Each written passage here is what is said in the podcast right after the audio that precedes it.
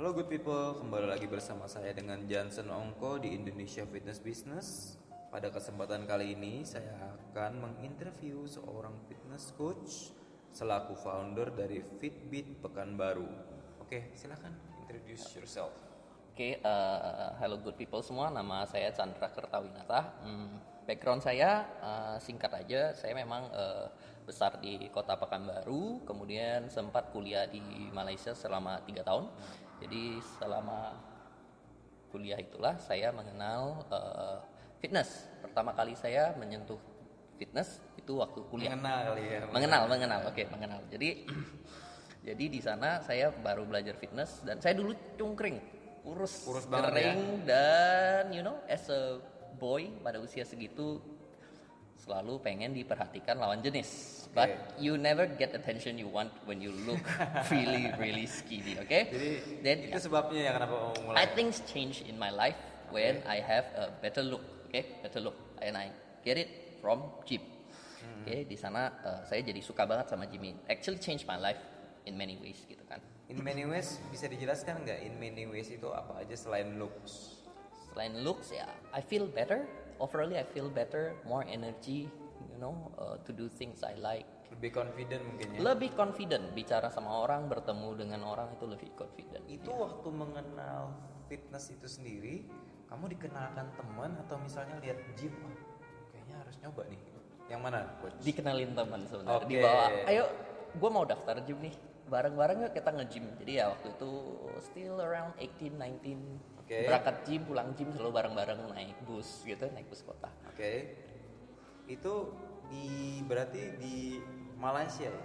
Ya di Malaysia di Kuala Lumpur. Wow you're lucky. Berarti dikenalkan oleh teman dengan gym lah. Yes. Nah di awal-awal tuh ada kendalanya nggak? Kendala gym hmm, kita lebih old school nggak kendala banget sih enggak ya karena memang Memang dalam artian banding-banding alat nih ya benar oke lalu bisa dijelaskan gimana Yeah, uh, so I went through the process. Uh, I get the change I wanted. Ya bisa dibilang I somehow reach my goal gitu. Ada nggak momen yang berkesan waktu pertama kali kenal fitness itu? Momen yang paling berkesan ya, berkesan saat gym. eh, yang pasti enak sih rasanya ditanya orang, eh badan kamu bagus, caranya gimana sih? Nah itu momen yang sangat berkesan. Menjadi seseorang yang ditanya. Oke. Ya itu sangat berkesan. But Jadi, transformation itu ya. yes, transformation itu sangat berkesan. Kenapa tiba-tiba seorang coach Chandra itu kepikiran mendirikan Fitbit? Oke, eh, long story short, habis kuliah kan saya kembali ke Pekanbaru ya. Jadi saya dari keluarga pengusaha, ayah saya pengusaha ya. Eh, saudara-saudara lain juga pengusaha gitu loh. So somehow I must start my business, right? So kenapa tidak di industri fitness? Karena saat itu saya lihat Pekanbaru sudah cukup berkembang. Mm, Dari segi apa nih? dari Ekonomi. segi ekonomi benar ekonomi oke uh, saya rasa oke saya pengen bawa apa yang saya nikmati yang menjadi hobi saya ke sini dan saya percaya orang akan merasakan apa yang saya rasakan berubah menjadi lebih sehat overall feel better and when you look Yang better kamu rasakan itu ya? iya iya Nah, pertanyaan saya adalah kenapa namanya Fitbit? Fitbit ya ada kata beatnya beat seperti detak jantung you know Oke. sesuatu yang nggak ngebosenin Oke. sesuatu yang upbeat gitu. Siapa pencipta dari nama Fitbit? Sebenarnya waktu rembuk nama itu banyak banyak nama yang kita rembuk karena saya kan Salah eh, satunya. Fit Selain- Station. Oke, Oke. sela- Fit Oke. Station. Ya, eh, jadi sebenarnya original nama Fitbit ini bukan ide saya sih, ide dari masalah. owner satu lagi. Oke. Jadi dari Ibu Dina, dari saya juga ada. Tapi kita rembukin beberapa nama, akhirnya kita oke lah Keputusan pilih. bersama berarti ya? Ya, keputusan bersama kita pilih Fitbit. Eh, kenapa? Karena sesuai dengan tema yang ingin kita deliver ke Kota Pekanbaru. Menyesal nggak dengan nama Fitbit? Enggak, nggak nyesel. Senang banget sama Senang sekarang? banget, senang. Oke. Merasa itu keputusan yang paling tepat gitu. Oke, oke. Sesuai oke. dengan tema yang ingin kita deliver ke sini. Tahun berapa Fitbit berdiri? 2017. Kemudian di saat mendirikan itu pastinya ada prosesnya dong. Boleh nggak bercerita tentang prosesnya ini? Kalau memang jatuh bangun, jatuhnya bagaimana? Oke, bangunnya? proses paling pertama sekali dalam mendirikan bisnis apa pun pastinya kita ingin milih tempat dulu ya, pasti apa pun itu kan kita pilih tempat. Eh, di sini plus minusnya gimana, gimana, gimana, gimana. Eh, jadi sebelum Fitbit berdiri juga sudah ada fitness center yang kurang lebih sama ya sudah berdiri yang di mana kita lihat e, mungkin ya dari penilaian kita ya bisa benar atau salah mungkin kurangnya itu di luasnya parkiran ya kita merasa oke Berarti kuncinya adalah parkiran itu penting ya. Ah, se- awalnya awalnya sangat consider parkiran itu penting ya. Jadi awalnya oke, jadi saya harus cari tempat yang di mana parkirnya itu aman, nyaman dan luas. Karena orang yang nge-gym biasanya dia waktunya itu juga nggak banyak. Lucu dong kalau dia cari parkirannya aja 30 menit, sedangkan dia nge-gym paling sejam ya. Ada yang. Konsiderasi juga ya. Itu konsiderasi saya butuh tempat di mana orang bisa ham, langsung nge-gym bisa pulang. Masukin mobilnya gampang, keluarin mobilnya gampang. Itu keputusan pertama adalah memilih lokasi. Iya, iya, saya butuh Yang tempat yang seperti kedua, itu. Kedua harus cukup luas. Ya, dekat perumahan benar, dekat perumahan, dekat sekolah yang masih mudah dijangkau gitu. mudah dijangkau. Jangan terlalu jauh banget. Yang ketiga, Yang ketiga harus cukup luas. cukup luas. Cukup Berapa luas. luas sih sebenarnya Fitbit ini? Kurang lebih luas kita 1200 meter persegi. 1200 meter. Iya, bisa Luar di- biasa. Sewanya juga luar biasa nih. Oke, oke, oke. Lanjut berarti memang tempat pun eh, ukuran pun penting ya. Eh, penting karena tema yang ingin kita deliver ini kan community. Gimana bisa punya community kalau tempatnya aja nggak bisa muat komunitasnya Memang gitu. loh. Ini luas sekali sih. Luas ya. Nah, kira-kira prediksinya Coach Chandra sendiri Fitbit ini dapat menampung berapa orang? Eh, Aktif, dalam member aktif. member aktif yang berarti setiap hari ya. Jadi kita cerita setiap hari saya takar kapasitas kita bisa sampai 200 200 ya. aktif setiap aktif hari. ya. Jadi dalam setiap hari bisa kami Traffic dalam 200. satu hari. Iya, 200. 200. Nah, itu sudah maksudnya sudah BEP dong ya. Kalau kalau trafficnya 200, Iya, apakah iya. perlu lebih banyak lagi? Bisa lebih eh, untuk saat ini traffic kita sekitar 140-an ya. berarti Tapi target yang pengen 200. 200, tapi ya step by step. Oke, kalau bisa Oh. udah 200 saya pengen 250 gitu lah. Tapi di 200 ini tempatnya masih bisa dibilang Masih nyaman. Masih Nyaman, ya? nyaman ya. Nah, berbicara tentang fasilitas itu sendiri, ada nggak kendala-kendala Kendala soal fasilitas ya. Hmm, setelah berdirinya Fitbit mungkin oh, kurang ternyata kurang luas ininya atau apa? gitu. Oh kalau eh, jadi Sini. gini, saya saya sharing aja. eh, ini pengalaman yang saya lalui di saat buka gym, kamu buka gym, entah member atau orang sekeliling kamu akan mendadak menjadi fitness consultant expert. Seharusnya kamu punya ini loh. Aduh seharusnya lampunya begini loh. Aduh seharusnya tata letaknya begini loh, gitu loh. Dan di saat kamu tidak punya standing position yang kuat, Pendirian. itu terombang ambing karena saya mengalami di sana. Ya, apalagi awal-awal buka, traffic kita belum begitu ramai, gym masih sepi, kita akan sangat Goyah mudah ya. terbawa oleh opini orang. Oke. Ini itu itu Ini struggle. input yang bagus sekali untuk Jadi coach. sebelum buka pastikan konsultasi Konsep. dengan orang yang benar, konsep yang pasti. Jadi yang memang kamu kuat di sana. Sepi atau rame gym jalani aja itu dulu. kan prosesnya ya. Iya. Tapi intinya adalah jangan terlalu banyak mendengarkan input-input dari orang luar ya, karena eh, itu dapat mempengaruhi proses perkembangan itu sendiri. Mm-mm, benar. Kalau misalnya dibandingkan dengan mega gym pada umumnya, seperti nama-nama brand-brand besar itu, Fitbit itu buy one satu lawan satu atau kelasnya di mana? Eh, kalau untuk mega gym yang nama-nama besar ya yang di ibu kota mungkin kita masih di bawahnya lah. Saya tidak begitu pede bilang kita sudah selevel di sana belum. Oke. Karena saya lihat juga di sini ada Les Mills juga ada, kemudian kelasnya cukup lengkap. Ya bisa kalau secara fasilitas ini bisa dibilang setara mega gym. Hmm. Tapi apa yang membuat Coach Chandra mengatakan ini one level below mega gym? Eh, mungkin karena posisi kita ya yang masih belum di kota besar mungkin. Oh enggak. Kalau boleh eh, dari sudut pandang saya ya, Hmm. ini sebenarnya sudah setara Mega Gym, cuman Oh. brand lokal. Ah, ya ya. Itu aja. That's it. Kalau secara kemasannya, warnanya, temanya, everything ini sudah setara. Ya. Cuman ya itu tadi eh, kebanyakan karena bahkan sebenarnya selebriti fitness pun Indonesia, Ya. tapi terkesan menjadi brand Luar negeri. luar. Nah itu mungkin bisa menjadi masukan ke Coach Chandra bahwa Fitbit itu juga bisa reach out, Out. national level atau bahkan mungkin international level. Hmm, Ada lagi yang yang, mau di share tentang berdirinya si Fitbit ini. Kendalanya deh tadi kan. Oh kendalanya selain tadi ya, yang tadi sat- salah satunya adalah gym itu heavy di SDM, human resource. Oke. Benar-benar heavy banget di human resource yang saya tidak expect sampai ke sana tadinya. Saya awalnya lebih merasa gym itu bagus kalau fasilitasnya bagus. Ternyata SDM nomor satu. Jadi eh, buat rekan-rekan di luar sana yang kepikiran pengen start doing eh, bisnis di industri kebugaran, siapkan SDM sebaik mungkin. Itu step satunya. Jadi Bukan- saya step saya terbalik gitu. loh. Fasilitas ya? Fasilitas dulu baru SDM. Oh, Ternyata SDM ya. setelah dari pengalaman saya belajar SDM dulu. oke. SDM baru fasilitas. Ada apa dengan SDM nih?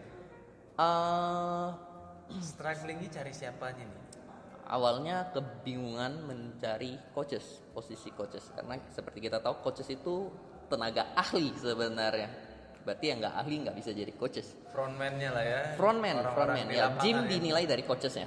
Oke. Ini yang saya pelajari. So Bukan dari fasil- fasilitas juga dong ya? ya fasilitas iya, tapi Tapi nomor eh, satu? nomor satu tetap coachesnya. Buktinya coachesnya pindah, bahkan misalnya ada coaches dari satu gym yang tempatnya bagus, coachesnya pindah orang pasti ikut coachnya kan, bukan tinggal fasilitas. karena fasilitas. Bahkan banyak mengatakan memang sih fasilitasnya nggak sebagus yang dulu, tapi, tapi, saya bisa latihan ya, sama coach, yang ini ya gitu kan.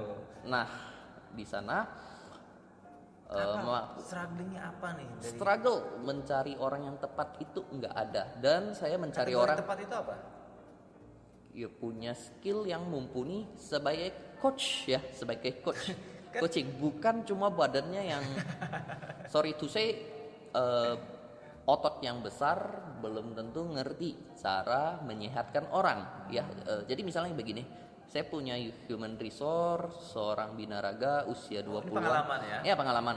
Very very strong gitu very strong looking besar kering lean you name it bodybuilders early 20s sangat bugar tapi apakah dia punya kedewasaan menghadapi klien Dan kemampuan mesti. banyak kemampuan bagaimana dia selama ini latihan dengan berat band press apa segala terus tiba-tiba dapat kliennya ibu-ibu umur 50 mau diapain ini orang ya.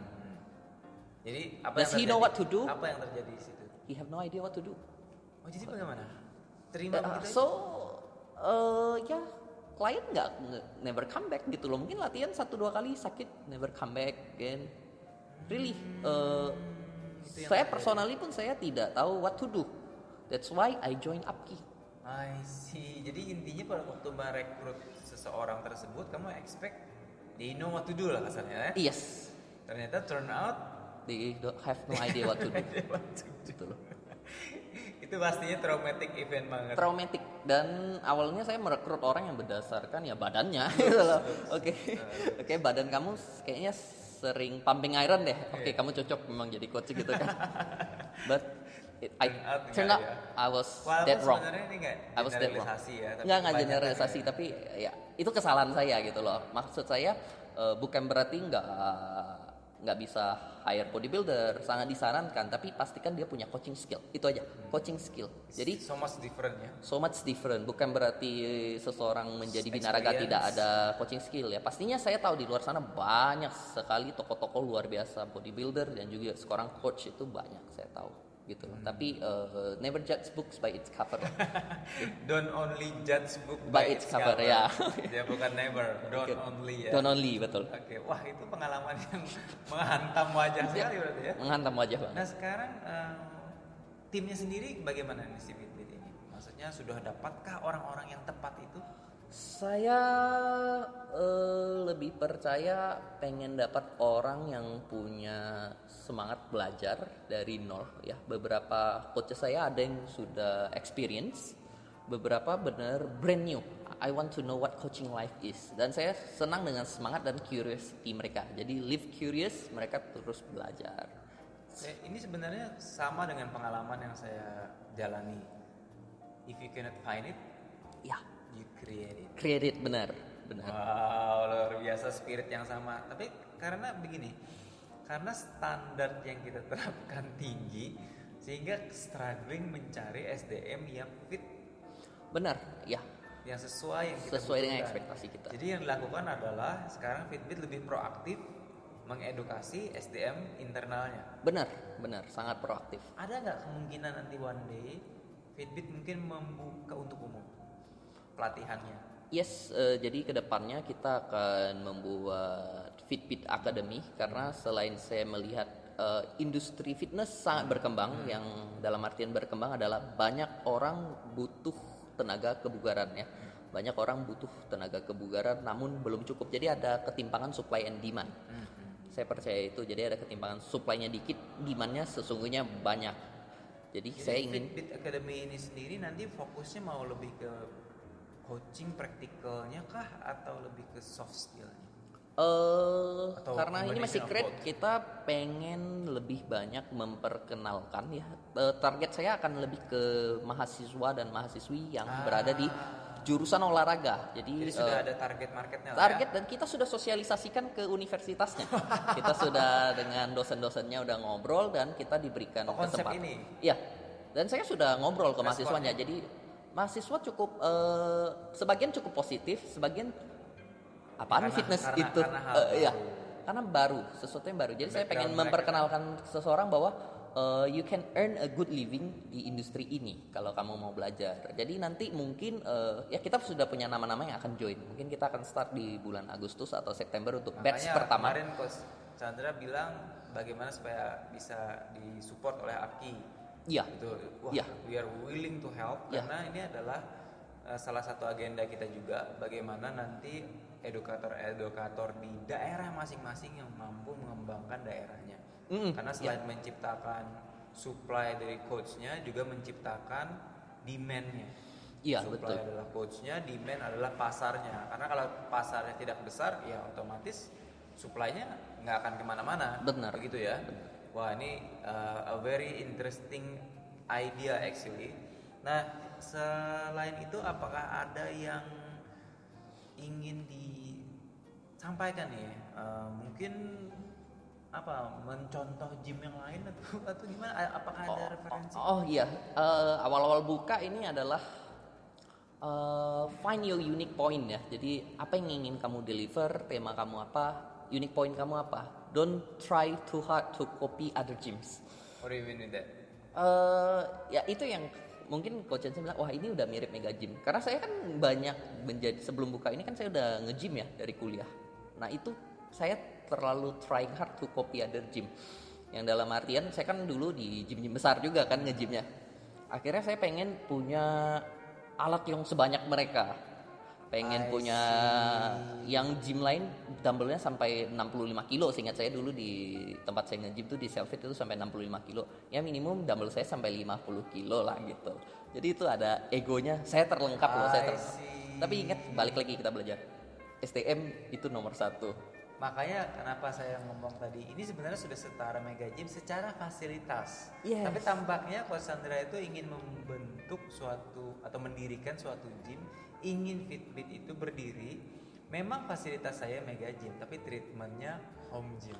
Saya pengen dikenal karena SDM-nya bukan karena fasilitasnya Ah, I see. itu berbeda. Iya, tuh, jadi ya, jadi ya, orang ya. kalau misalnya mungkin ke gymnya ini, wah gym ini enak loh, kenapa? Wah ada kolam renangnya, ada ininya. Dan saya pengen orang masuk ke Fitbit, kenapa? Coachesnya nomor satu.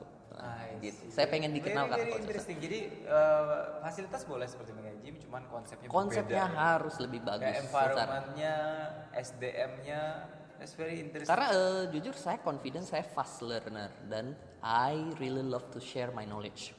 Nah, itu hal yang penting. Itu itu adalah jiwa dari Fitbit sebenarnya. Yes. Yang kamu kasih tahu ini. Nah, kita ini kan berada Coach Chandra kan mendirikan gymnya di Pekanbaru yang kental banget budayanya ketimuran lah Iya, nah iya. kira-kira budaya timur itu ada nggak efeknya ke membership Eh, bukan budaya ya, tapi mungkin lebih ke norma dan kebiasaan atau ketidakbiasaan lah. Saya sebutnya ketidakbiasaan ya, karena eh, fitness fitness industry itu juga relatif baru ya. Di mana sebelum ada fitness industry yang besar seperti ini sekarang dulu mungkin gym lebih didominasi oleh pria pria-pria besar yang mungkin topless latihan gitu loh. Jadi eh, cukup aneh mungkin ya untuk awalnya berdiri tempat olahraga yang ada cowok, ada cewek. Nah, itu mungkin belum bisa. Tapi kalau saya percaya kalau di Jakarta atau di Jawa. Surabaya, di Pulau Jawa itu sudah biasa because uh, everybody deserve a good exercise kan, baik pria dan wanita gitu loh. Kalau di sini mungkin lebih ngerasa stigmanya mengatakan di sini masih menganggap gym itu yang old school yang di mana Ah, isinya tuh kalau kalau mungkin ibu-ibu tuh di sanggar senam, ibu-ibu semua gitu loh. Kalau cowok-cowok mungkin di gym yang old school begitu. Jadi kalau ada tempat latihan yang ada cowok ceweknya tapi mungkin konsepnya family ya tapi konsep kita family banget gitu loh. apa Family banget. kelebihannya uh, dari konsep family yang di Fitbit ini Eh, konsep pertama dari family ya we really warm welcome you gitu loh. Sangat warm. Eh, saya coba kids friendly juga kids friendly eh, tujuannya nanti akan ke sana. Oh, kita akan buat ya, kita akan buat le- jauh lebih kids friendly eh, dengan bikin fasilitas penitipan anak. very nice Mm-mm. Karena saat ini memang eh okupansinya memang lebih banyak moms ya. moms and dad. Moms and dad. Sometimes husband and wife That's datang because bareng. family soalnya Iya, family, family eh, tidak jarang datang ibu dan anaknya latihan bareng ya. Dalam ini ar- anaknya sudah remaja, ibunya mungkin 40s, 50s ya. Ganti-gantian latihan. kalau untuk Fitbit sendiri goalnya atau vision and missionnya kan sudah berdiri nih what's next What's next? Eh, saya kepingin banget kita menjadi top leadernya, market leadernya, personal training gitu. Bukan personal training, ya, pokoknya coaching in general.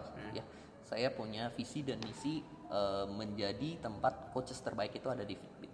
oh dalam bidang personal training service-nya Iya, bukan secara fasilitasnya lah ya jadi SDM-nya pengen dikenal fasilitas is a bonus. Good coaches is a must. saya merasa good exercise itu komponennya itu. That's, that's a very good quote. Apa tadi? Apa? Good facilities Is a bonus. is a bonus. Good coaches is a must. That's new quote, new term yang Ya, saya dapatkan eh, hari ini. Jujur karena sebelum mendirikan Fitbit ini, saya juga fitness beberapa tahun di Pernah menggunakan jasa personal trainer? pernah pernah sebelumnya ya eh, pernah Oh. di Pekanbaru pernah How's tapi your experience? eh, Tampaknya tidak menarik. ini ya eh, yang saya rasakan apalagi di zamannya semuanya orang bisa mem- memperoleh akses Google dari smartphone, Oke. you know. Sometimes saya melihat kliennya itu lebih knowledgeable daripada coachnya. Itu kenyataan. itu kenyataan kan di mana-mana. Eh, jadi saya merasa seseorang itu bisa dapat label coach itu terlalu mudah. Ya. Betul, Dengan body fat yang sedikit, muscle percentage yang lebih banyak, istilahnya ya lebih buff lah, seseorang bisa jadi coaches. Ya. Bahkan yang tidak buff aja banyak yang jadi coach. Bisa ya. Jadi asal bisa menghitung repetisi, asal bisa tahu cara menggunakan alat sudah bisa jadi coaches. Ya seperti kita tahu, coaching is more than that, way more than that. Oke, gitu. kira-kira apa tantangannya Mencapai sebagai top leader itu? Iya, mencari SDM dan saya Menciptakan nih itu. akhirnya saya mem- memilih menciptakan. Jadi saya akan ya kolaborasi lah dengan Ya, Apki nanti pasti, saya pasti, akan membuat Fitbit Academy. Ya, target kita ke anak-anak dari jurusan olahraga dan Ada kita akan strategi? untuk ini sementara ya. ini, yang paling kita fokuskan ke saat ini agenda sekarang adalah Fitbit Academy. Kita berusaha memperkenalkan eh, industri kebugaran ke eh, mahasiswa-mahasiswi dari jurusan olahraga. And personal agenda Coach Chandra sendiri Mm. apa kira-kira? Yang maksudnya dia masih berhubungan dengan Fitbit juga personal di agenda. industri kebugaran. Oke, bukan? oke, karena basicnya ini saya orang yang senang bercerita, senang Sharing. menceritakan ide, iya ide-ide saya. Dan saya sangat senang nih ada bah- rasa bahagia saat ide yang saya sampaikan diterima orang dan orang tersebut merasakan manfaatnya. Wow. Itu itu sesuatu I yang know, I know that feeling. tidak bisa dinilai dengan uang. Oke, true, oke, true, oke. Jadi through Fitbit saya banyak bisa banyak mendapatkan hal tersebut. Bahkan seorang coach Chandra sini sendiri menggunakan Fitbit sebagai ini ya, sebagai motornya untuk bisa menyalurkan. Ya, yes, yes. passionnya lah ya. Hmm, I want people know. uh, ini loh exercise yang proper, ini loh coaching yang proper seperti ini gitu loh. Nice. Nah pertanyaannya yang terakhir adalah any last word yang mungkin kamu mau sampaikan to your team, Mhm. to your team of coaches. Yes. Nah, untuk masyarakat juga boleh. Oke, eh, ya terutama untuk tim-tim Fitbit ya, semuanya termasuk marketingnya Selalu selalu yang akan bergabung di Fitbit ya, ya. tapi always live curious ya, selalu live curious. live curious? Eh, selalu punya rasa ingin tahu ya. Curious itu eh, apa ya? Lebih curious apa skeptis? Curious saya lebih suka curious karena orang kalau curious biasanya cepat skeptis juga. curious selalu pengen tahu gitu. Jadi jangan cuma berhenti oh Jangan ini begini. Ya. jangan so tahu. Always curious. pengen tahu jangan So tahu. tahu. Always live curious and never ever stop learning ya. Sesuai spirit Apki juga, jangan Oh, pernah iya, berhenti sama belajar. Pembelajar. Kalau untuk masyarakatnya sendiri, ada nggak any last word? Misalnya Oh. cobalah hal baru atau Oke, apa? start exercise today. You never regret it. Singkat, padat Iya. dan jelas. Oke, thank you very much Coach Chandra. It's a very interesting session yang kita sempatkan in between workshopnya Ya. Apki and I really wish you a very uh, best luck for your future and then to Fitbit and all the teams and looking forward to our collaborations Yes. nanti kita akan bawa banyak banget course bahkan saya kepikiran memang Fitbit ini akan menjadi learning center dari APKI bagian Sumatera Yes, really karena good. ya kita membutuhkan sebenarnya SDM SDM yang asli Riau dari Pekanbaru dari Sumatera itu dapat menjadi the next educator dari APKI. Wow, luar biasa. So we are looking forward to our collaboration. Thank you for your time, Coach Chandra. And terima kasih untuk seluruh pendengar. Ah, kita akan bertemu kembali di episode berikutnya. Semoga bermanfaat dan salam bugar. Thank you.